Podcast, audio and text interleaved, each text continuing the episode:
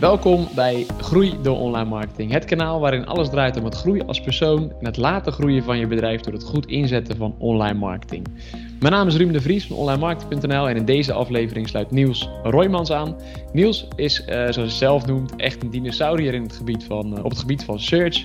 Uh, kan ook niet echt anders, want hij is echt vanaf het begin van, uh, van de search eigenlijk aanwezig uh, in, dit, in dit vakgebied. Was aanwezig bij het begin van Ilse, de grootste zoekmachine van Nederland, ja, in de jaren 90 in ieder geval. Um, in het interview hebben we het over zijn verhaal omtrent Ilse, de SEO-tool die hij daarna heeft opgestart, want daar lag in principe wel altijd zijn passie. En daarna, um, ja, daarna is hij toch doorgegaan met uh, ja, zijn remote PPC agency. En daarin ja, kan hij zijn huidige passie, AdScripts, uh, volledig, uh, kan hij daar volledig mee losgaan. Um, ja, de scripts die hij gebruikt uh, zorgen ervoor dat hij 60% minder uh, tijd besteedt aan een account dan iemand anders zou doen als je geen scripts gebruikt. Ik denk een gigantische winst die voor iedereen wel uh, handig is om, om daarvan mee te profiteren. Um, we gaan het daarover hebben in, de, in dit interview, dus ik zou zeggen veel plezier bij het kijken. ja, hier komt het interview met, met Niels Roymans. Hey Niels, welkom, welkom bij Groei de Online Marketing. Ja, dank, dank voor de invite. Leuk, leuk dat je tijd hebt weten te maken. Um, ja, vorig jaar uh, hebben we elkaar zelf natuurlijk ook fysiek ontmoet bij uh, de Search Awards. Dus wij kennen elkaar al een beetje. Um, ja, kan je voor jezelf, uh, jezelf even voorstellen van wat, wat een beetje jouw achtergrond is in het, in het online marketing wereldje? Achtergrond, ja, die is, is een lang verhaal. Als in, ik loop al veel te lang mee in dit, in dit vak, al meer dan twintig jaar. Dus uh, Dinosaurus. Ik ben eigenlijk begonnen met, met online marketing in de tijd van Ilse.nl. Dat was een zoekmachine in, uh, die in de jaren 90 uh, is gebouwd. En eigenlijk tot begin 2001, 2002 de, de marktleider was in Nederland. Ja. ik, ik werd daar in 1999 binnengehaald om de mensen te helpen die zoekmachine slimmer te maken. Ik heb een achtergrond in kunstmatige intelligentie. Dat was mijn studie die ik toen had gedaan. En ze dachten, Niels kan helpen om die zoekmachine echt slim te maken. Ja. Uh, dus daar is het eigenlijk een beetje begonnen in, in de zin van uh, wat zijn zoekmachines. En uh, toen hadden wij eigenlijk nog helemaal geen businessmodel. Dat is ook een interessant verhaal, kunnen we daar ook wel even terugkomen. Maar, ja, zeker. sinds die tijd ben ik me dus gaan verdiepen in hoe belangrijk het is om als bedrijf vindbaar te zijn. En ja, daar is eigenlijk mijn passie voor het vak search marketing uit voortgekomen. En, sindsdien ben ik daarin actief. Dus ik heb eigenlijk tot 2008 heb ik bij bij Ilse.nl gezeten. Uh, we zijn destijds overgenomen eerst door VNU tijdschriften en later overgenomen door uh, Sanoma, een Finse uitgever.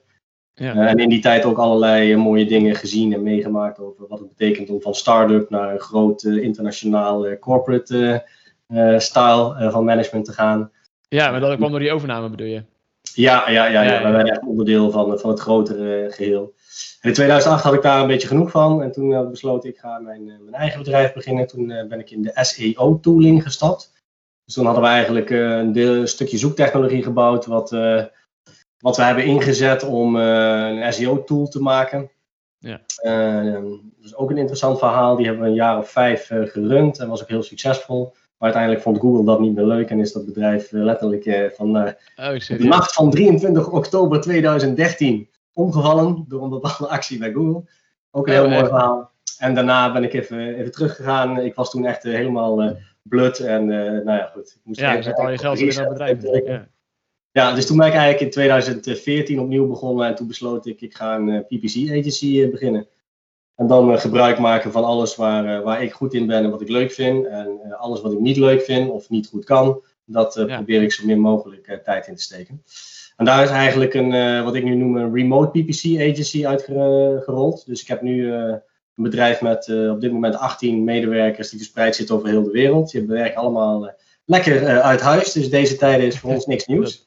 Was altijd al zo. Ja. was altijd al zo. En ook mijn klanten zitten ook verspreid over heel de wereld. En ja, op die manier run ik mijn, mijn business. En kan ik lekker mijn lifestyle een beetje, een beetje faciliteren ja, normaal gesproken kan je lekker reizen. Laten we het zo daarop Normaal gesproken zou ik nu nog wel hier zitten, maar ja, dan zou ik uh, inderdaad, zodra het wat herfstig wordt, ben ik meteen weg. Ja, ja precies. En hoeveel, uh, als je van de 12 maanden kijkt, hoeveel maanden ben je normaal gesproken op reis?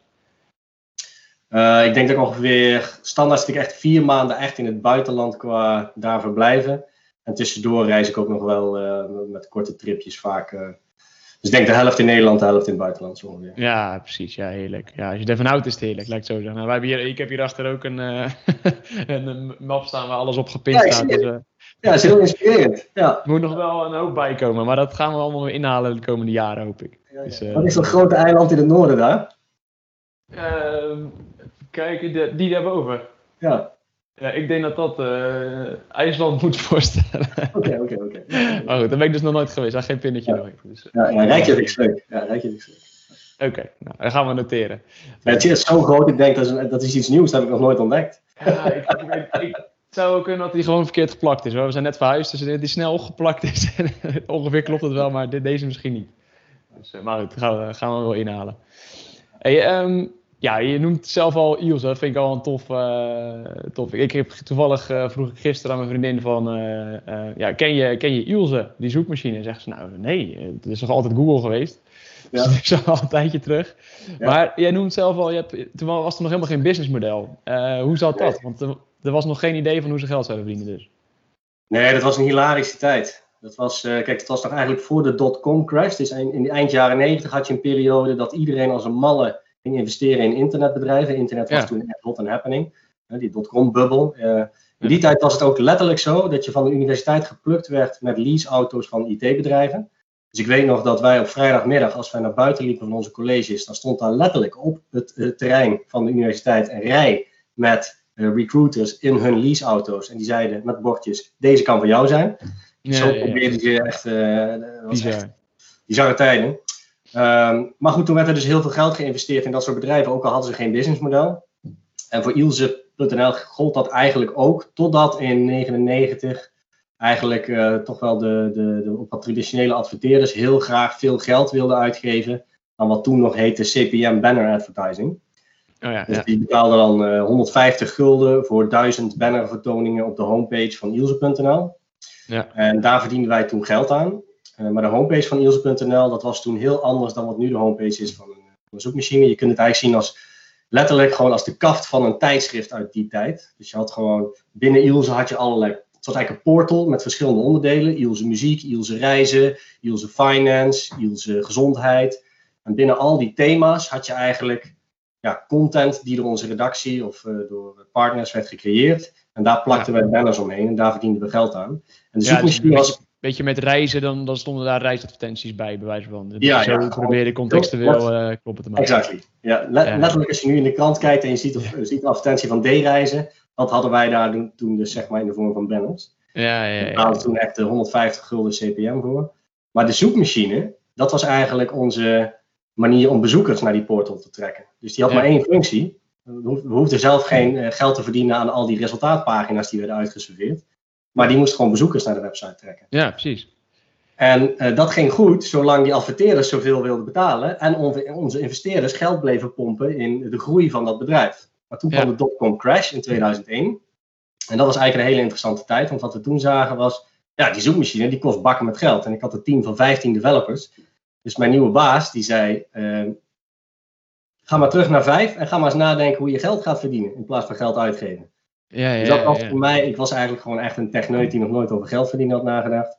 Dat was voor mij een eye-opener in de zin van, oké, eh, hoe gaan we dit in godsnaam doen? Ja, jij was, ook, jij was daar verantwoordelijk voor, toch? Dus jij moest op een gegeven moment gewoon eh, zeggen van dit, is, dit gaat het model worden waar we, ja, of dan moest je pitchen, ja, pitchen zeg maar. Ja, ja, nou in 2001 eigenlijk nog niet. In 2001 was ik puur verantwoordelijk voor het technische deel. Oké, oké. Ik was eigenlijk gewoon de, de, de lead daar met eh, een team hele slimme techneuten die, die het echte werk deden. En ik Ja. nog een beetje tussen de, tech- tussen de business van het bedrijf en de techneuten in eh, meepraten over wat we moesten doen. Ja. Eh, en ik mocht de algoritmes specificeren die de, die de echte developers implementeren. Ehm, dus dat waren, was wel een hele interessante functie hoor. Dat was echt, eh, echt een hele mooie tijd. Alleen ik kreeg dus ook de uitdaging om te gaan downsizen en tegelijkertijd een businessmodel te verzinnen waarmee we geld konden verdienen. Ja, Ik had terwijl dat heel veel development oplevert qua werk natuurlijk. Als je Het was heel veel werk. Ja, zoekmachine bouwen is heel veel werk. Ja, ja, ja. Ja, maar ik kan me ik bedoel meer, want ik kan me ook voorstellen dat als je dan een eh, model gaat verzinnen om daar geld mee te verdienen, dat je daar ook juist heel veel developers voor nodig hebt om dat eh, eruit te krijgen. Nou, dat was dus een interessante, want eh, in het onderzoek naar hoe gaan we in godsnaam geld verdienen, kijk je natuurlijk, of keek ik vooral heel veel naar Amerika, want daar lopen ze altijd voor, toen nog meer dan nu. En daar had je een bedrijfje, uh, dat was founded by Bill Gross. Dat is eigenlijk de uitvinder van het pay-per-click model. Dus hij had een bedrijfje dat heette toen Go, of GoTo. Dat was eigenlijk de voorganger van Overture. En Overture is bekend geworden met het PPC-model van advertenties plaatsen boven je zoekresultaten, wat ook door Yahoo uiteindelijk is overgenomen. Ja. En dat model, dat, uh, dat was voor mij de inspiratie van oké, dit moeten wij ook gaan bouwen. Ja. Dus dat twee uitdagingen. Ik moest enerzijds moest ik mijn techneuten meekrijgen, want die hadden natuurlijk een hekel aan commercie, zoals alle techneuten. Dus die wilden helemaal geen. Uh, uh, dus, dus het team moest, moest warm gemaakt worden om die tooling te gaan bouwen. En aan de andere kant van de business moest ik ook de, onze salesmensen overtuigen om in plaats van die banners, uh, moesten zij tekstlinkjes gaan verkopen. Tekstlinkjes boven zoekresultaten. Daar hadden ze helemaal geen zin in, want de adverteerders snapten daar nog helemaal niks van. Dus het, het, was voor hen veel moeilijker om dat te verkopen versus banners. Dus in het begin verkochten wij ook zoekresultaten, gesponsorde zoekresultaten, niet op uh, kost per klik basis, maar op CPM basis. Ja, ja, ja. ja, ja. de hypotheek mocht jij een tekstlinkje kopen en voor elke duizend impressies die dat tekstlinkje kreeg, onafhankelijk van de kliks of sales, betaalde je een CPM-tarief. Ja, dat was bizar. fantastisch. Ja, bizar als je terugdenkt. ja, ja, dus dat was een hele mooie ervaring. Dus wij hadden die tooling gebouwd. Alleen, ja, wij zagen ook wel, het gaat uiteindelijk toch richting een CPC-model. En het aanhaken van die adverteerders ging niet snel genoeg. Want je kunt je voorstellen, in een zoekmachine tikken mensen, nou, we hadden toen een miljoen zoekopdrachten per dag. Nou ja, het gaat over de volle breedte. Dus om op de volle breedte te kunnen, eh, advertenties te kunnen serveren, heb je ook heel veel adverteerders nodig. Niet alleen maar een paar hypotheekboeren en wat uh, travelpartijen. Uh, nee, dus nee, de sales die kon niet snel genoeg opschalen om voldoende dekking te krijgen om winstgevend dat model uh, uit te rollen. Dus eigenlijk al heel snel hadden we besloten, we moeten partneren met bedrijven die dit, die dit ook doen en op grotere schaal. Ja. er was er een partij in Duitsland, die heette Qualigo. Die had dat al een stuk verder dan wij en die, die had ook wat adverteerders van Yahoo in hun pool zitten. Dus hadden we meer uh, dekking en konden we heel snel eigenlijk die uh, gesponsorde tekstlinks op basis van het CPC-model doen implementeren en ook winstgevend ja. maken. Nou, en uiteindelijk zijn we zelfs overstag gegaan en zijn we, ondanks dat we onze eigen zoektechnologie hadden, zijn we overgestapt naar Google Ads. Dat heette toen nog die AdSense. Die AdSense om te monetizen. Ja. Dus, ja. We, zijn, we zijn mede schuldig aan het, het, creëren van de monopolie van Google. Ja, precies. Maar op een gegeven moment, ik kan ook volgens mij kon je er op een gegeven moment ook niet meer omheen. Toch? Nee. Daar was gewoon niet tegenop te concurreren. Zij waren gewoon, zowel qua zoekmachine waren ze sowieso daadwerkelijk beter. Veel sneller vooral ook. Ja. En, um, ja, en ook qua, qua adverteerders die zij hadden aangehaakt, dat, uh, konden we gewoon niet bijhouden. Dus uh, ja. ja. We hebben ons best gedaan, maar... Ja, maar wel vet. vet als je in die fase al uh, erbij zit. Gewoon, ja, die opstartfase van zo'n zoekmachine. Dan heb je wel wat ik kan me voorstellen dat je daar dat, dat het gewoon een gave ervaring is. Ja, want vergis je ook niet, hè?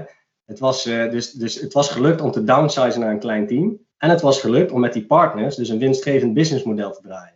Dus ja. ik kan geen, ja, ik weet niet, ik kan eigenlijk de nummers nu wel noemen, maar op een gegeven moment draaiden we gewoon 5 miljoen omzet met een team van 5 man.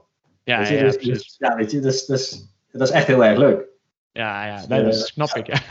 Dus op een gegeven moment kregen we heel veel, uh, niet heel veel bonus, maar wel heel veel vrijheid. In de zin van, ja jongens, ga, jullie hebben iets moois gecreëerd, ga maar, ga maar laten zien wat er nog meer mogelijk is. Dus toen mocht ik ook een R&D-afdeling eromheen bouwen.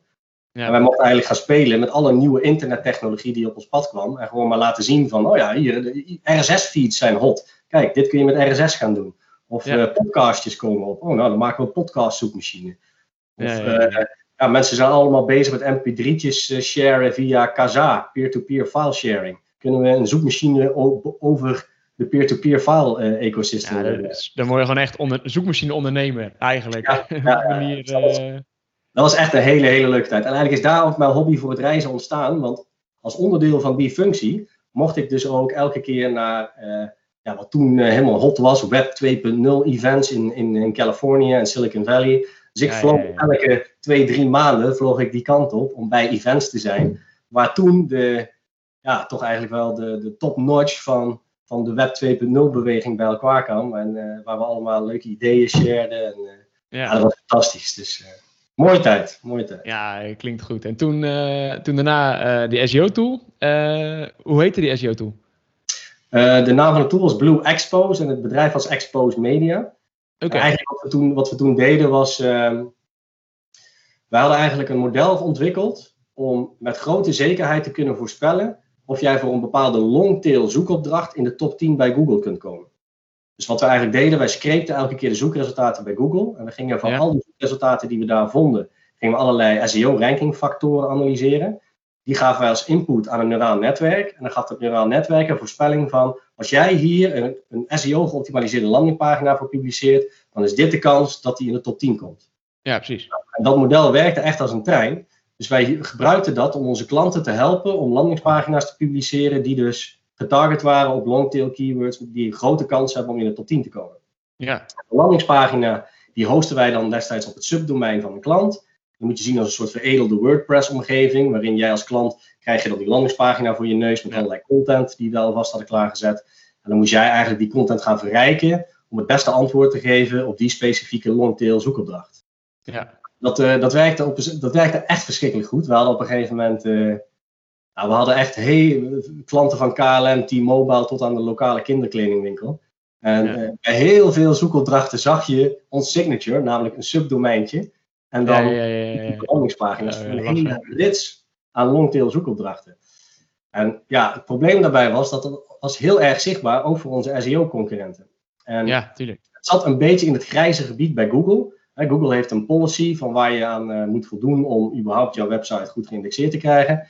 En hebben dingen die zij uh, willen verbieden. Hè? Dus je mag niet kloken, je mag geen keyword stuffing doen. Er was ook zoiets wat heette doorway pages. Doorway pages was een beetje een grijs gedefinieerd iets. Ja, ja, ja. Nou, er was, hè, afhankelijk van welke bril je opzette, kon je onze pagina's als doorway pages kwalificeren. En uh, ja, uit, uit de uit het roddelcircuit heb ik vernomen dat een aantal SEO-concurrenten van ons daar niet al te blij mee waren. En die zijn spam reports gaan indienen. Ja. En daar heeft Google uiteindelijk uh, op geacteerd. En die is uh, manual penalties gaan uitdelen bij onze klanten. 23 oktober 2013 om 11 uur. Ja, jij weet het nog wel. IP-systeem, wat sms-alertjes. Deze klant, manual penalty.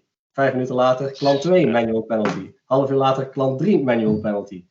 Dus toen heb ik mijn partners gebeld. Morgen vroeg, 7 uur op kantoor is voorbij. Ja, dat is echt niet normaal natuurlijk. Want hoe, ja, hoe heb je dat toen? Ja, je kan, wat, wat kan je nog dat moment? Nee, ik zag. Kijk, we hadden, eerlijk is eerlijk, we hadden het al een beetje aan, nou, we hadden het niet aanzien komen. Wij waren er echt van overtuigd dat wij het hele ecosysteem verbeterden. Daar sta ik ook nog steeds achter. In de zin van, hè, wij, wij, wij, wij creëerden, wij hielpen onze klanten om content te creëren die zoekvragen beantwoorden die nog niet goed beantwoord waren. Ja. En uh, daarbij, daarbij zijn wij in dat grijze gebied iets te ver richting een kant te gaan waar je als je uitgaat van de verkeerde intenties, ze ook gaat zien. Dat, dat hebben wij niet goed gemanaged. Dus het was Ja. te makkelijk voor Google om mee te gaan in die kritiek van onze concurrenten. Van ja, dit is eigenlijk tegen de guidelines. Ja. En dat is de fout die we hebben gemaakt. En die konden we eigenlijk toen niet meer herstellen, omdat het toen zo snel ging. We hadden toen, eh, nou ik weet niet uit mijn hoofd, maar 32 klanten. En echt binnen 24 uur was een derde van die klanten die had een manual penalty gehad. Ja. Op dat moment ben je alleen maar bezig met je bedrijf redden, voorkomen dat je. We zaten toen eigenlijk ook nog in de start-up fase. Hè. We waren nog niet echt een. We hadden 12 man personeel, we hadden wel een gezonde cashflow, maar het hield ook echt niet over. Ja. En eh, ja, zo'n zo'n hit kun je dan gewoon niet handelen. Zeker omdat je ook geen zekerheid hebt dat die andere klanten die nog wel stonden er over een maand nog staan. Dus, Ja, Dus, ja, precies. Ja, ja, je had ook wel kunnen voorspellen dat er dan toch meer komen de dag na dag. En eh Ja, dan blijft het door. ja. ja, en we hadden ook geen alternatief, we hadden geen backup plan als het ware. Dat is ook een echte ondernemersfout. Eh, we hebben daar heel veel van geleerd. Dus en aan de andere kant, eh, als je geen backup plan hebt, dan eh, ga je gewoon vol voor je idee. Dus in principe, ja. Ja, ja nou, dat deden wij. Ja, dat deden Ja, wij. precies. Maar toen eh, is dat zeg maar niet gelukt. Nou ja, dan, dan, dan ga je niet bij de pakken neerzitten, maar dan ben je doorgestart in het PPC-wereldje. Nou, ik, heb, ik heb wel. Nou, het- eerst moest ik dus voorkomen dat we echt failliet gingen. Want als je echt Ja. failliet gaat, ja, dan, dan, dat is gewoon niet fijn voor je personeel en ook voor je schuldeisers. ja, precies. Dus eh, we hebben eerst de drie weken lang alle schade proberen te herstellen bij onze klanten. Ervoor te zorgen dat we ook eh, financieel gezien eh, iedereen goed, goed achterlieten. Eh, dat- dus dat waren een paar- wel echt heftige weken. Ja, En daarna is het wel even, even op bezinning gekomen. Echt ook voor mezelf even kijken van ja, wat heb ik nou de afgelopen jaren gedaan? Wat vond ik leuk, wat vond ik niet leuk? Dat was Ja, echt een reset momentje. Dus eh, ik had het geluk toen eh, dat wij, eh, mijn vriendin en ik, we hadden Curaçao al ontdekt. Mijn vriendin die heeft ook een paar opdrachtgevers. Dus we waren eigenlijk al een paar jaar daar voor wat langere periodes geweest. En het was, nou, het was toen november 2013. Dus ik zei, kom, we gaan gewoon twee maanden die kant op. ja. Dan kan ik even rustig nadenken, kijken wat ik wil. En, Ja. Dat hebben we gedaan. Dus we zijn daar toen heen gegaan. En dat was eigenlijk, en toen is eigenlijk het plan voor mijn huidige bedrijfje geboren. En ben ik sindsdien naar de stad gegaan. Dus, ja, ja, wel mooi dat als je er dan even terugtrekt en dan een nieuwe, nieuwe stap uh, maken. Ja. Dat is het, um, ja, het PPC uh, agency, alleen dan uh, ja, zorg dat je in ieder geval, remo het, remote PPC agency volgens mij hè? Ja, ja, ja. Ja, dus eigenlijk hè, die, die term remote is inderdaad met het idee, we hebben geen kantoor meer, geen, geen vast personeel. Ja. Um, dus ik werk met contractors. Dus mijn team is, het is wel redelijk, er is een harde kern die blijft voor langere perioden. Maar er zijn ook medewerkers die werken een paar maanden en dan gaan ze weer verder. Ja. Dus dat, is lekker. Iedereen werkt gewoon zijn eigen uren. Iedereen werkt van waar en wanneer die zin heeft. Uh, dus ik heb mensen echt letterlijk Vietnam, Saoedi-Arabië, Suriname, uh, Panama, uh, Malta. Veel Nederlanders natuurlijk. Sw switcht ook nog wel eens waar ze natuurlijk dan zitten. Ook, ja, ja, ja. Dus, maar en, maar hoe, hoe manage je dat zelf? Want als je nu, ja, je, hebt, je hebt klanten waarvoor je dit doet. ja. Ehm, zijn die contractors dan ook contactpersoon van, van die klant bijvoorbeeld? Nee, eigenlijk het, het klantcontact loopt altijd via mij. Ja, precies. Alleen wat ik dus. Uh, dat is eigenlijk wel interessant. Dus, dus toen ik op Curaçao zat en ging nadenken van oké, okay, hoe moet mijn volgende bedrijf eruit zien? had ik eigenlijk de, de, de keuze gemaakt van oké, okay, ik heb nu een aantal jaren heel veel tijd geïnvesteerd in het bouwen van een bedrijf. En dat vind ik, vind ik heel leuk. Hè. Ik vind ondernemen vind ik echt heel leuk en ook bedrijven bouwen vind ik leuk. Maar andere delen van het leven vind ik eigenlijk ook heel erg leuk. En op dat moment vond ik ze veel interessanter. Dus ik, heb, ja. ik heb tig hobby's. Ik hou van uh, muziek, uh, DJ'en, produceren, skiën, motorrijden, triathlon, weet ik het. Ik ben van met allerlei andere dingen bezig. En ik wil eigenlijk veel meer tijd besteden aan die andere dingen in het leven. Dus ik had eigenlijk mezelf als doel gesteld. Een beetje, beetje ook geïnspireerd door de, door de Tim Ferriss uh, lifestyle. Niet zozeer dat ik per se vier uur per week wil werken, hè, want dat is onzin. Ik heb trouwens dadelijk ook nog een mooie anekdote over Tim Ferriss. Maar, uh, maar, maar, zijn filosofie, zijn kijk op het leven en hoe je, hoe je dus zeg maar vanuit lifestyle design je bedrijf in je leven een plek kunt geven, die hang ik heel sterk aan. En die heb ik eigenlijk toen ook doorvertaald naar eigenlijk de requirements voor mijn volgende onderneming. Dus ik wilde niet meer dan 10 uur per week daarin hoeven te steken. En ik wilde dat het minimaal zoveel cashflow realiseert. En ik wilde de mogelijkheid hebben om dat werk waar en wanneer te doen wanneer ik zin heb. Dus niet meer vaste tijden op een vaste locatie, maar gewoon werken wanneer je de tijd en zin en energie voor hebt op locaties waar je dan wilt zijn. Ja. Dus op die manier ben ik eigenlijk gaan terug redeneren van oké, welke, welke strengths, marketeers hè, welke strengths ja, heb ik ik kan creëren die zo'n business faciliteert? Welke weaknesses heb ik? People management bijvoorbeeld. Oké. Het uh, is goed als je dat van jezelf weet, sowieso. Ja, ja, ja, ja, ja. Nou ja, ik zeg niet dat ik. Ja, nee, nee. Ik, ik krijg, ik, krijg, uh, ik krijg te horen dat ik het wel, dat ik het wel oké doe. Maar zelf zie ik het niet als, als echt uh, mijn grootste krachten. En bovendien vind ik het ook niet, niet, niet heel erg leuk. Maar ja, dus zo ben ik op, op die manier eigenlijk gaan puzzelen. Ja, en toen was het voor mij eigenlijk gewoon zo klaar als een klontje. Kijk, SEO vond ik vakinhoudelijk fantastisch. En on the site heb ik ook altijd wel een beetje Google Ads gedaan. Maar Google Ads is business-wise zoveel interessanter dan SEO. En voor mij ook zoveel makkelijker om in een proces te gieten wat ik uh, volledig, nou niet volledig kan automatiseren, maar heel goed kan uh, automatiseren en opdelen in subtaken die makkelijk te oud tasken zijn. Ja. Dus, ja. Uh, dus, en waarom, is het in jouw ogen, waarom is het in jouw ogen makkelijker met PPC dan met SEO? PPC is heel erg accountable. Dus als jij een prospect van mij bent, dan kan ik je vertellen, nou Ruben, ik heb, ik heb even meegekeken in jouw business. Ik verwacht dat als ik Google Ads voor jou ga managen, dat ik deze resultaten kan realiseren. En bovendien, als wij gaan starten, kan ik jou over drie dagen al de eerste uh, bewezen meetresultaten laten zien. dus het is makkelijker om het vertrouwen te winnen. Met, uh, ja. de, de, opdrachtgever heeft een relatief klein uh, investeringsrisico. En het is super accountable. En bij SEO komt er een verhaal van, nou Rib, ik heb even naar je website gekeken. Ik denk als we dit veranderen qua techniek, deze content erop en hier en daar een beetje linkbeelden. Over een half jaar, dan sta je misschien in positie 5. En dan levert je dat ongeveer zoveel extra kliks op. Ja. ja hoeveel kost dat dan? Ja, een flinke investering upfront, half jaar wachten en dan mogelijk dit resultaat. dus qua, qua sales pitch is SEO veel lastiger. Ja, en ook in de, in de oplevering is het ook veel lastiger, omdat bij Google Ads verandert er continu van alles. Maar op het gebied van organic rankings, dat is helemaal dramatisch. En daar is het nog meer een black box. Ja. dus, dus ook qua operatie is het veel moeilijker te plannen welke werkzaamheden je wanneer je moet doen om echt het resultaat te realiseren wat de klant uh, beloofd is.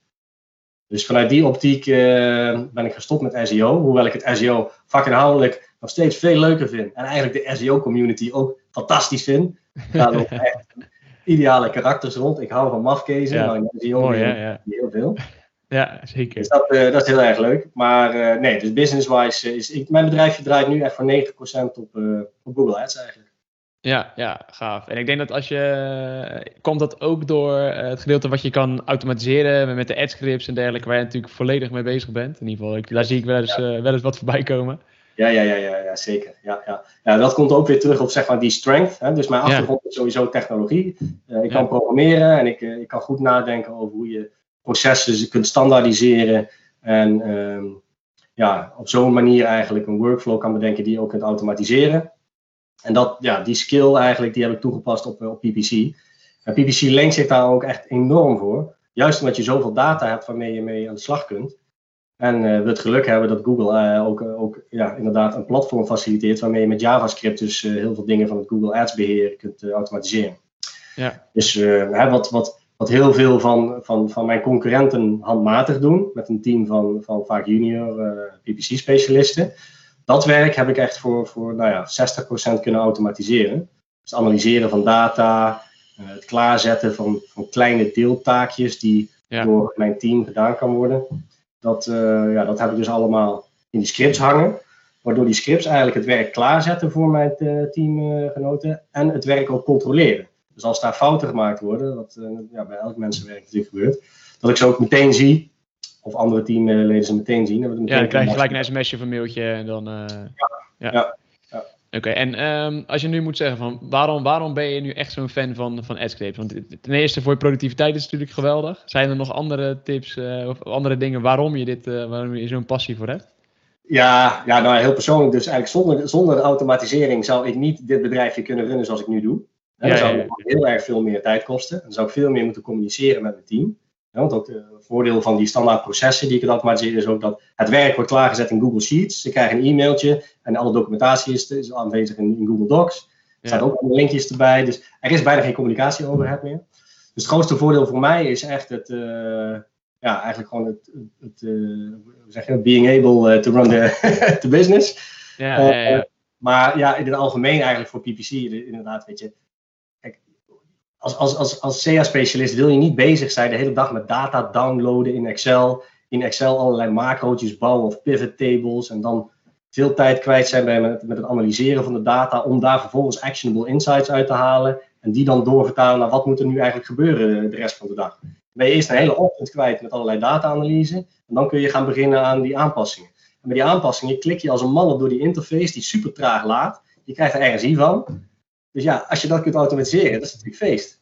Ja, ja precies. Dus wat die scripts voor mij doen, is, is dus die data ophalen, dat analyseren, het klaarzetten van die deeltaken. Sommige deeltaken ook letterlijk al uploaden in de Google Ads platform. Hè. Dus bijvoorbeeld het aanmaken van nieuwe adgroups en nieuwe adcopy. Zet maar vast klaar, wel gepauzeerd, zodat mijn medewerker kan controleren of alles goed is gegaan. Hè. Dus ja, het automatisch klaarzetten van, van, van ads is, uh, uh, is goed te doen. Alleen scripts kunnen niet zelf de adcopy bedenken ze kunnen wel copy-pasten van bestaande ad-copy en daar variaties van maken. Maar echt een hele creatieve nieuwe ad schrijven die getarget is op dit keyword, dat is natuurlijk voor script nog niet te doen. En ook de artificial intelligence die Google nu zelf gebruikt is nog niet ver genoeg. Dus daar wil je toch weer mensen hebben die al hun marketing... Dat moet je echt zelf doen. Ja, ja, ja, ja. Die, die kunnen echt zich vertalen in de intentie achter de zoekopdracht. En dan vanuit de USP's van de klant daar uh, de beste ad copy uh, voor schrijven. Ja. Dus dat, uh, ja, dat blijft mensenwerk. Maar al die, al die taken die dus veel tijd kosten, die kun je dus voor een heel groot deel automatiseren. En dat creëert weer uh, ruimte voor andere uh, bezigheden. Ja, dus, ja, dus binnen... 60%. Dat is gigantisch natuurlijk. Ja, ja dus, dus hè, als, jij, als je dat werk weg kunt halen bij je team en die mensen de mogelijkheid geeft om na te denken van oké, welke andere strategische verbeteringen kunnen wij doorvoeren die bijdragen aan de doelstelling van mijn klant, ja, dan ga je die klant ook veel beter bedienen. Plus, je medewerkers die vinden dat vaak ook veel leuker. niemand vindt het leuk om de hele dag door Excel te klikken. Ja, uitzonderingen daar gelaten. Maar ja, ja, ja. Heb je weer van die SEO-gekken die dat misschien wel leuk vinden, maar de meeste, de meeste ja, niet. Ja, ja, die moeten ook vooral lekker blijven doen. Maar de meesten die willen toch meer bezig zijn met van ja, weet je, hoe, hoe kan ik wat met nieuws creatiefs komen wat ik kan gaan testen en kijken of het werkt. Ja. Dat, uh, ja, dus dat, die ruimte die, die kun je dus creëren en dan uh, wordt iedereen, uh, iedereen daar hopelijk blij van.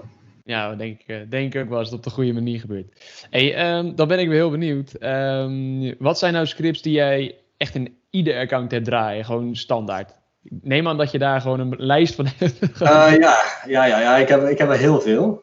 Um, okay. Ja, ik ga wel eerlijk zeggen. Of, of een top 3 of weet ik wel. Ja, dus ik, ik, ik, kom even terug dadelijk bij de vraag van de standaard scripts. Maar de meest waardevolle scripts zijn toch bijna altijd wel klantspecifiek. Okay. Dus, dus uh, ook hoe, hoe mijn uh, proces werkt. Dus als ik, een, als ik, stel jij wordt mijn nieuwe klant, dan ga ik eerst, uh, gaan jij en ik iets doen wat ik noem een roadmap sessie. En in die roadmap sessie ga ik eigenlijk jou helemaal uithoren over jouw business en jouw business doelstellingen. Die ja. vertaal ik naar online marketing doelstellingen. En dan ga ik kijken van oké, okay, hoe kan search marketing daar het best aan bijdragen? Ja. Op basis dan van die search marketing strategie ga ik nadenken van oké, okay, wat betekent dat voor de setup van het Google Ads account? En de manier waarop we dat account gaan optimaliseren.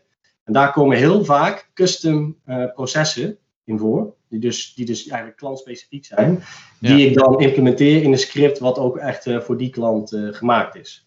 Ja. dus, dat, dat, kan variëren van hele flauwe reportingbehoeftes. Hè. Sommige klanten die, ja, die willen elke week weten hoeveel leads er binnen zijn gekomen in welke geografische regio. Ik roep maar wat. Hè. Ja. Kun je dan een scriptje voor schrijven wat dat heel makkelijk in een Google Sheet voor ze klaarzet. Of, of doorpaast naar Google Data Studio als ze mooie visuals willen. Ja. Uh, maar uh, vaker is het, is het op een wat dieper niveau. Dus stel jij hebt een uh, je hebt third-party data die echt uniek is voor jou, die we kunnen gebruiken in het optimaliseren van je, van je CPC-bits. Ja, dat is heel erg leuk om, om mee te spelen ja. en om te kijken van maak, hoeveel verschil maakt dat echt. Ja. Dus ik ben nog steeds op zoek naar eigenlijk een, een, een partij die een API aanbiedt op basis van de uh, coronadata. Dus wat ik heel graag zou willen is, net zo, uh, we kunnen aankleppen tegen uh, de buienradar en de weerradar, voorspellingen van wordt het morgen hier bewolkt, zonnig of gaat het regenen. Ik wil die, ja. Ja, dus ik wil weten hoe groot is de kans dat morgen Amsterdam in lockdown gaat.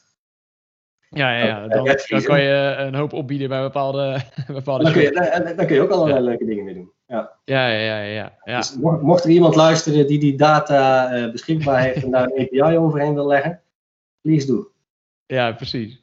En heb je, want je noemt nu het weer bijvoorbeeld, dat kan natuurlijk van invloed zijn. Um, wat, voor, wat voor andere vette ideeën of wat voor andere vette scripts kan je, kan je benoemen?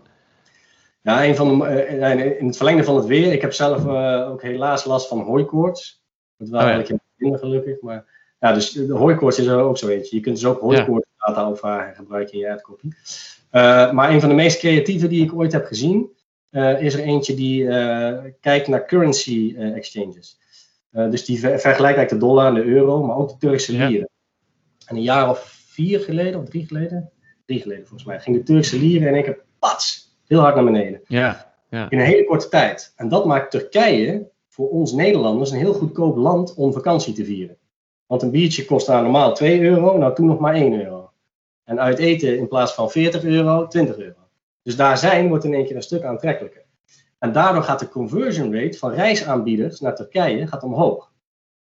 Omdat die mensen die snappen, oké, okay, ik wil naar Turkije toe. Dus eigenlijk kun je dan op alle keywords veel meer gaan bieden. Omdat die conversion rate hoog is. Ja, ja. Dus er was een script gemaakt door, uh, volgens mij was het Wesley Parker, een gast in de UK. En die gebruikt dus die currency exchanges om uh, bitmanagement te optimaliseren.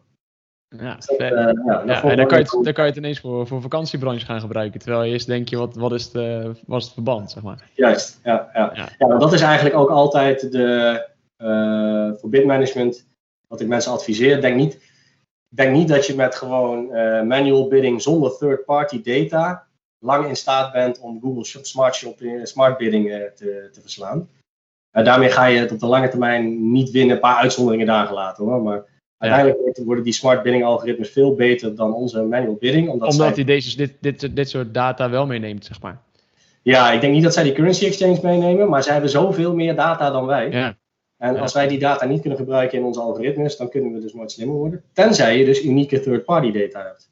Dus als jij toegang hebt tot data waar, die heel veel invloed heeft op de conversieratio van, van, van jouw doelgroep, maar waar Google zelf niet bij kan, en hopelijk jouw concurrent ook niet, ja, dan, Heb je echt, dan heb je echt iets aan je eigen bidding solutions. Dus dan, dan loont het ook echt om eh, te investeren in uh, ofwel scripts of misschien zelfs via de API. Maar... Ja. Ja. Vet. Ja, en dat, dan snap ik wat je bedoelt met voor elke klant is het wel anders. Deze, ja, ja, ja, ja. Heel vet, heel vet. Ja, um, dus, ja? ja dus, dus ik, ik, ik, om even iets te bedenken nu. Stel, ik zou, makelaar, ik zou een makelaar zijn. Wat super interessant natuurlijk is, is om te kijken hoe de huizenprijzen zich ontwikkelen in de regio die jij bedient. En die informatie die kan heel erg interessant zijn voor het wel of niet krijgen van nieuwe uh, klanten. dus ik kan me voorstellen, dit, dit, ik, ik heb geen makelaars als klant, dus ik weet niet of dit waar is. Maar dat het voor een makelaar heel veel uitmaakt of de huizenprijs gewoon plat is, of dat die heel erg fluctueert. En dat het dan makkelijker of moeilijker is om klanten te krijgen. Nou, die informatie die kun je natuurlijk gebruiken ook in je, in je, in je strategies. Ja, maar je kan me daar ook, ook in je ad-copy en ook op, je, op de landingspagina's. Als jij bijvoorbeeld data hebt dat uh, de woningprijzen ineens voor afgelopen week een klein beetje zijn gedaald. Uh, dan kan je nog tegen verkopende partijen zeggen van joh, ja, ik zou nog meeliften op die oude prijzen. Als je nu wil verkopen, dan heb je nog een beetje een goede prijs. Ja. Nou ja zo kan je alle, alle kanten kan dat natuurlijk opgaan. Ja, hele goede. Ja, nou, bijvoorbeeld, ik heb, ik heb een klant die zit in de wereld van, eh, van uh, bedden en accessoires, dekbedden. Ja, dekbedden heb je natuurlijk in verschillende soorten en maten. Uh, als het koud wordt, dan heb je een andere benefit aan een, aan een dekbed dan als het, als warm wordt. dus op basis van de temperatuur wordt die AirText automatisch aangepast naar brrr, gelukkig. Vanavond is het lekker warm onder de dekens. ja, ja, ja. wat een hitte. Gelukkig lig ik fris onder een zomerdekbedje. Ja, ja, en eigenlijk is dat dan uh, op de temperatuur van, van afgelopen nacht. dan op basis daarvan je adkopje aanpassen. Dat is altijd goed. Ja, ja. Gaaf. Oké, okay, nou ja, tof. Dit zijn, ja, hier kan je denk ik per klant echt heel veel mee. Uh, heb je uh, toch nog heel even van de standaard hebben we nu, hebben, zijn we nu, hebben we nu overgeslagen. Heb je wat standaard scripts die je kan noemen die, die iedereen gewoon moet gebruiken in jouw ogen? Ja, ja, ja. Dus uh, de eerste die natuurlijk te binnen schiet is een hele populaire, de Broken Link Checker. Zeker als je wat grotere klanten hebt die heel veel verschillende landingspagina's hebben. Het komt, komt gewoon altijd wel een keer voor dat er een landingspagina offline gaat. Het is ja. natuurlijk als je daar kliks heen stuurt. Nou, wonder boven wonder. Uh, Google rapporteert dat niet direct in je interface als dat gebeurt. Ze laten je eerst honderd keer een klik die kant op sturen. Ja. Lekker een centjes aan. Maar ja, die klik die converteert natuurlijk voor geen meter. Bovendien kunnen dat soort, hè, dan gaat die conversion rate naar beneden. Dat soort signalen, die, worden, die zijn echt funest ook voor die uh, smart bidding algoritmes. Dus het kan zomaar zijn dat een broken landing page die hele smart bidding strategie die Google voor jou aan het optimaliseren is, overhoop gooit. Dus als je dat niet weet, dan heeft het niet alleen schade in de zin van uh, kost per kliks die jij weggooit, wasted ad spend. Maar het betekent ook dat het model wat Google aan het opbouwen is voor jouw doelgroep en jouw advertenties, dat dat helemaal de verkeerde kant op wordt gestuurd. Ja. Dus, hè, dat wordt heel erg belangrijk. Uh, een ander voorbeeld is uh, de negative keyword conflicts. Uh, negative keyword management wordt steeds belangrijker. Zeker nu al die close variant matching als een malle wordt doorgerold door Google. Dus dat betekent dat je veel actiever moet zijn in het managen van je negatieve keywords. Maar ja, je wil ook niet dat je per ongeluk een negatief keyword toevoegt, waarmee je een hele belangrijke keyword uitsluit. Ja. Dus dat negative keyword conflict script, die, die waarschuwt als dat gebeurt. Um, Weer een ander eentje die ik laatst heb ontwikkeld, is, uh, die ik nu overal heb draai, is eigenlijk de trending search terms. we zitten nu in een rare tijd waarin het zoekgedrag ook als een malle verandert op basis van wel of geen lockdown of wel of geen dreiging op veel besmettingen. Of, hè, mensen, mensen, zijn gewoon uh, ja, zijn, zijn een nieuw leven aan het inrichten en daardoor hebben ze ook nieuw zoekgedrag. Ja. dat vertaalt zich ook in, in, in ja, de user queries die gematcht worden met de keywords die je target. En als je daar geen, geen goed gevoel bij houdt, dan kan het heel goed zijn dat je opportunities mist of juist geld uitgeeft aan irrelevante zoektermen. Ja. Dus ik heb, dit script komt eigenlijk voort uit een, uit een klant van mij die verkocht uh, uh, uh, printen. Printen op, printen op canvas en printen op okay. ja. allerlei zaken, maar ook dus printen op plexiglas. En dan kun je zo'n mooie plexiglas foto van jezelf ja. aan doen. Ja, je hoort hem aankomen. ja, precies. Kuchschermen. Plexiglas schermen uh, coronaschermen. Dus die kwamen als een malle binnen in de DSE-campaign die ik voor die klant had draaien. Ja. Ja. dus dat wil je gewoon weten op het moment dat dat gebeurt. Dus dat script helpt je om in de gaten te houden wat dus trending search termen zijn en wat die doen. Um, disapproved ads. Google meldt het wel in de interface, maar niet altijd snel genoeg. Dus het kan best wel zo zijn dat je een dag lang een ad group hebt zonder approved ads, omdat die ads zijn disapproved. De laatste tijd eh, zie ik het percentage ad disapprovals toenemen. En ik denk dat dat komt omdat Google in de coronatijd de, de policy heeft gewijzigd. Natuurlijk waren er heel veel adverteerders die ook misbruik wilden maken van de schaarste aan mondkapjes en de schaarste aan de handjelletjes en weet ik het wat allemaal. Ja. En Google wil dat misbruik voorkomen, dus ze hebben de policy een beetje aangepast. Tegelijkertijd had ook Google een logistiek probleem met de medewerkers. Hè, die moesten ook allemaal opnieuw ingericht worden, die processen en thuiswerken. Dus uh, dat ad disapproval percentage ging als een mal omhoog. Um, ja, dan wil je wel meteen weten als er een adgroep is die geen enabled ads heeft draaien. Ja, dat is natuurlijk wel extra belangrijk. Ja, ja. ja. ja. Maar om, om een wat langer antwoord uh, te voorkomen. Er is dus, ik heb een lijst gemaakt van 18 scripts. 18 scripts die volgens mij in elke account uh, moeten draaien. Um, en ik heb ook een service voor mensen die zelf nog nooit scripts hebben geïnstalleerd.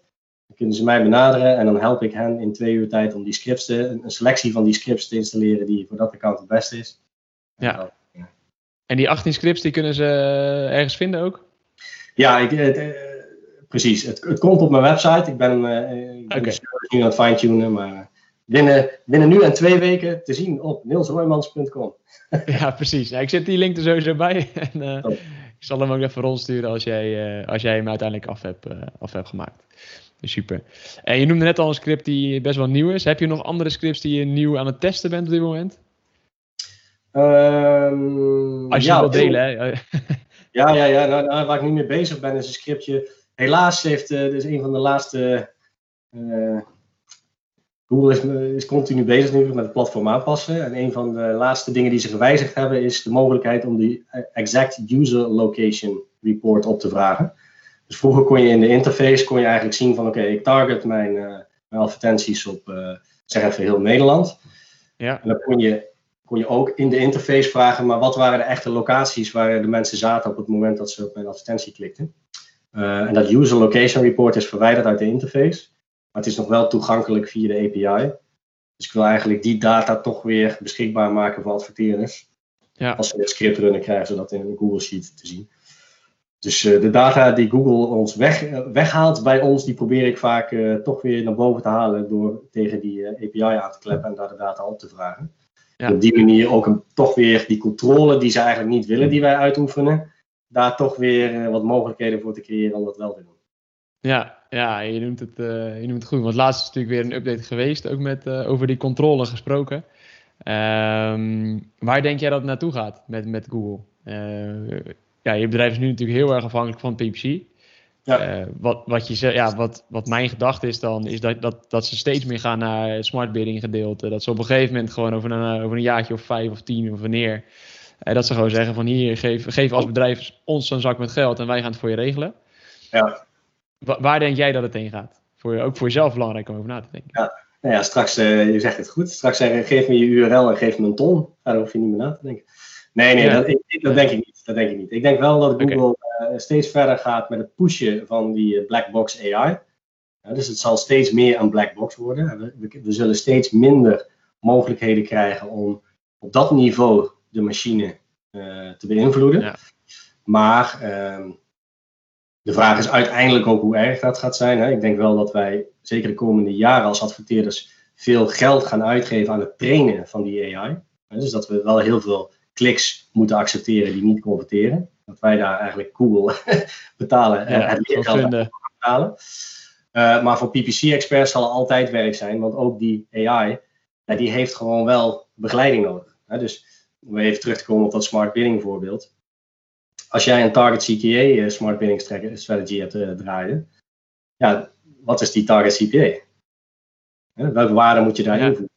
Ja. En, uh, dan krijg je dus het aspect dat jij je klant gaat opvoeden van oké, okay, we hebben nu een target CPA van 20 euro, maar wat, wat zou er gebeuren als we die reduceren naar 18? Of vergroten naar 25? Wat doet dat met de uiteindelijke winst? Ja. En dan ga je daarmee experimenteren. En uh, met adcopy hetzelfde verhaal. Hè. Je hebt nu wel responsive search ads, waar Google dus zelf probeert uh, de beste advertenties te tonen. Maar ja, wat ga je daarin zetten? En hoe ga je eigenlijk de learnings die gepresenteerd worden door het algoritme interpreteren in Ja. het aanpassen van je adcopy in je landingspagina? dus er zal, er zal altijd werk blijven voor, voor degene die echt de boel inricht. Alleen dat inrichten zal meer op een ander niveau gaan plaatsvinden. Ja, meer, uh, misschien ook wel meer het niveau waar je zelf al meer in zit. Dat je toch al, uh, jij en je team, zeg maar, meer op strategisch niveau probeert te denken dan uh, alleen maar dingen die je ook kan automatiseren, zeg maar. Ja, ja, ja. dus Google, Google, wil het eigenlijk gewoon dummy-proof maken. En ja. Dat, dat ook de niet-marketeers, of de niet-PPC-specialist, laat ik het zo zeggen, dat die het platform gewoon heel makkelijk kunnen gebruiken. Dan kunnen ze dus gewoon ja, veel grotere markt bedienen tegelijkertijd, ja, je ziet, het werkt, het werkt nog steeds verre van perfect. Uh, ja. En zelfs al zou het perfect werken, dan blijven er altijd opportunities voor ons om gegeven dat, dat level playing field waar we zitten, je expertise in te zetten om voor je klant uh, het verschil te gaan maken. Maar uh, ja, het wordt wel het wordt, een interessante tijd. We moeten gaan kijken waar, waar je het onderscheidend vermogen kunt leveren. Ja, zo, zo blijf je lekker bezig. Zo blijf je veranderen. Ja, het belangrijkste gaat zijn data. Data, data, data, data. Ja. Als, je, als je je specialiseert in, eh, in hoe je je klanten kunt opvoeden om zoveel mogelijk klantdata te verzamelen en de informatie van die klantdata kunt teruggeven aan het systeem, aan, aan, bijvoorbeeld zo'n zo, zo Google Smart Bidding, daarmee ga je het verschil maken. Dus ik, uh, ook veel van mijn klanten die werken nog niet met lifetime value. Dus ik probeer ze altijd uit te leggen wat het verschil is in de omzetwaarde van transactie 1, die een klant, ja. nieuwe klant doet, versus de lifetime value over, nou, zeggen we, de komende 12 maanden van die klant als die lifetime value veel hoger is, dan loont het vaak om die lifetime, een deel van die lifetime value al terug te geven aan Google op het moment dat je een nieuwe klant werft. Ja. Dan op die manier stimuleer je eigenlijk de smart bidding algoritmes om meer in te zetten op het werven van nieuwe klanten, waarvan je weet, oké, bij de eerste transactie heb ik mijn winstdoel nog niet bereikt, maar op de lange termijn maak ik veel meer winst, omdat ik dus veel meer nieuwe klanten heb. Ja, en ik denk dat, uh, dat ook wel een hele. Het is ook de strategie, denk ik, voor ondernemers die voor de lange, tijd, voor lange termijn erin zitten. Als jij nu een, uh, iets hebt en je denkt, ik wil deze maand moet ik cashen, ja, dan kan dat niet. Maar uh, als jij denkt, ik heb mijn bedrijf en ik wil over tien jaar nog steeds een bedrijf hebben, dan is dit gewoon waar je mee moet, mee moet rekenen. Ja, ja, tof. Goed, um, jij noemde me ook sowieso al een, uh, uh, voor het gesprek, uh, zei ook van we hebben, ik heb een lijst opgesteld met ehm, hoeveel scripts waren het die al? 18 scripts, ja, ja, ik heb 18 scripts die iedereen moet gebruiken. Ja, ja precies. Nou, die, die link zou ik sowieso in de, in de show notes ook erbij zetten straks. Ja, straks. ja, en, ja daarnaast heb ik ook eigenlijk alle, alle scripts die ik op het web heb gevonden, dus alle gratis downloadbare scripts, of je kunt ze ja, ja. Die heb ik ook in een lijst gezet. Dus die, die staat al op mijn website. De Ultimate, uh, Ultimate Google Ads Scripts Collection. Kijk. Meer dan 300 scripts in één grote Google Sheet. Dus dat voor ieder, iedereen die wil gaan automatiseren, zeker daar kijken. Oké, die ga ik er sowieso ook bij zetten. En dan hebben we denk ik best een compleet, uh, compleet verhaal voor de ad scripts. En zeker voor de mensen die er nog mee moeten gaan beginnen. Dus, um, en uh, ja, dan kunnen ze ook jou dus benaderen als je, voor bij het inrichten van een eerste ads uh, script in het account. Zeker, ja, ja, ja. Dus mocht je behoefte hebben aan wat hulp gewoon om uh, gewoon op te starten, stuur me een mailtje en dan stuur ik wat linkjes waar je mee kunt beginnen. En mocht je al wat verder zijn en behoefte hebben aan antwoord op de vraag van welke scripts moet ik nu voor dit specifieke account runnen, ja, dan benader mij en daar heb ik dus ook die, een service voor die jou helpt om de beste script voor jouw specifieke account geïnstalleerd te krijgen. Top, helemaal goed. Dat is vast nuttig voor, uh, voor iemand en uh, voor de luisteraars. Ik wil jou bedanken voor je tijd, uh, Niels. Ja, jij ook. Was leuk. Zeker man. Ik denk dat je echt mooie dingen hebt, om, ja, hebt gedeeld met iedereen. En daar, kan, daar kan iedereen weer lekker mee door aan de slag. Ik hoop het. Top. Is goed. Hey, bedankt. Ik spreek je. Goed hè. Jo, hoi hoi. Dat was het interview met Niels Roymans over de zoekmachine Ilse, SEO en zijn huidige passie AdScripts. Uh, de link waar we het net over hebben gehad, uh, naar de 300 scripts die hij is tegengekomen, vind je hieronder of op de pagina onlinemarketing.nl slash scripts. Um, mocht je dit meer van dit soort interviews willen horen, die gaan zeker volgen in deze podcast. Laat een review achter en abonneer je uh, als je luistert via Apple Podcasts. Luister je via Spotify, dan kan je klikken op volgen, zodat je de volgende keer ook een melding krijgt. voor nu zou ik zeggen, bedankt voor het luisteren en zorg voor groei door online marketing.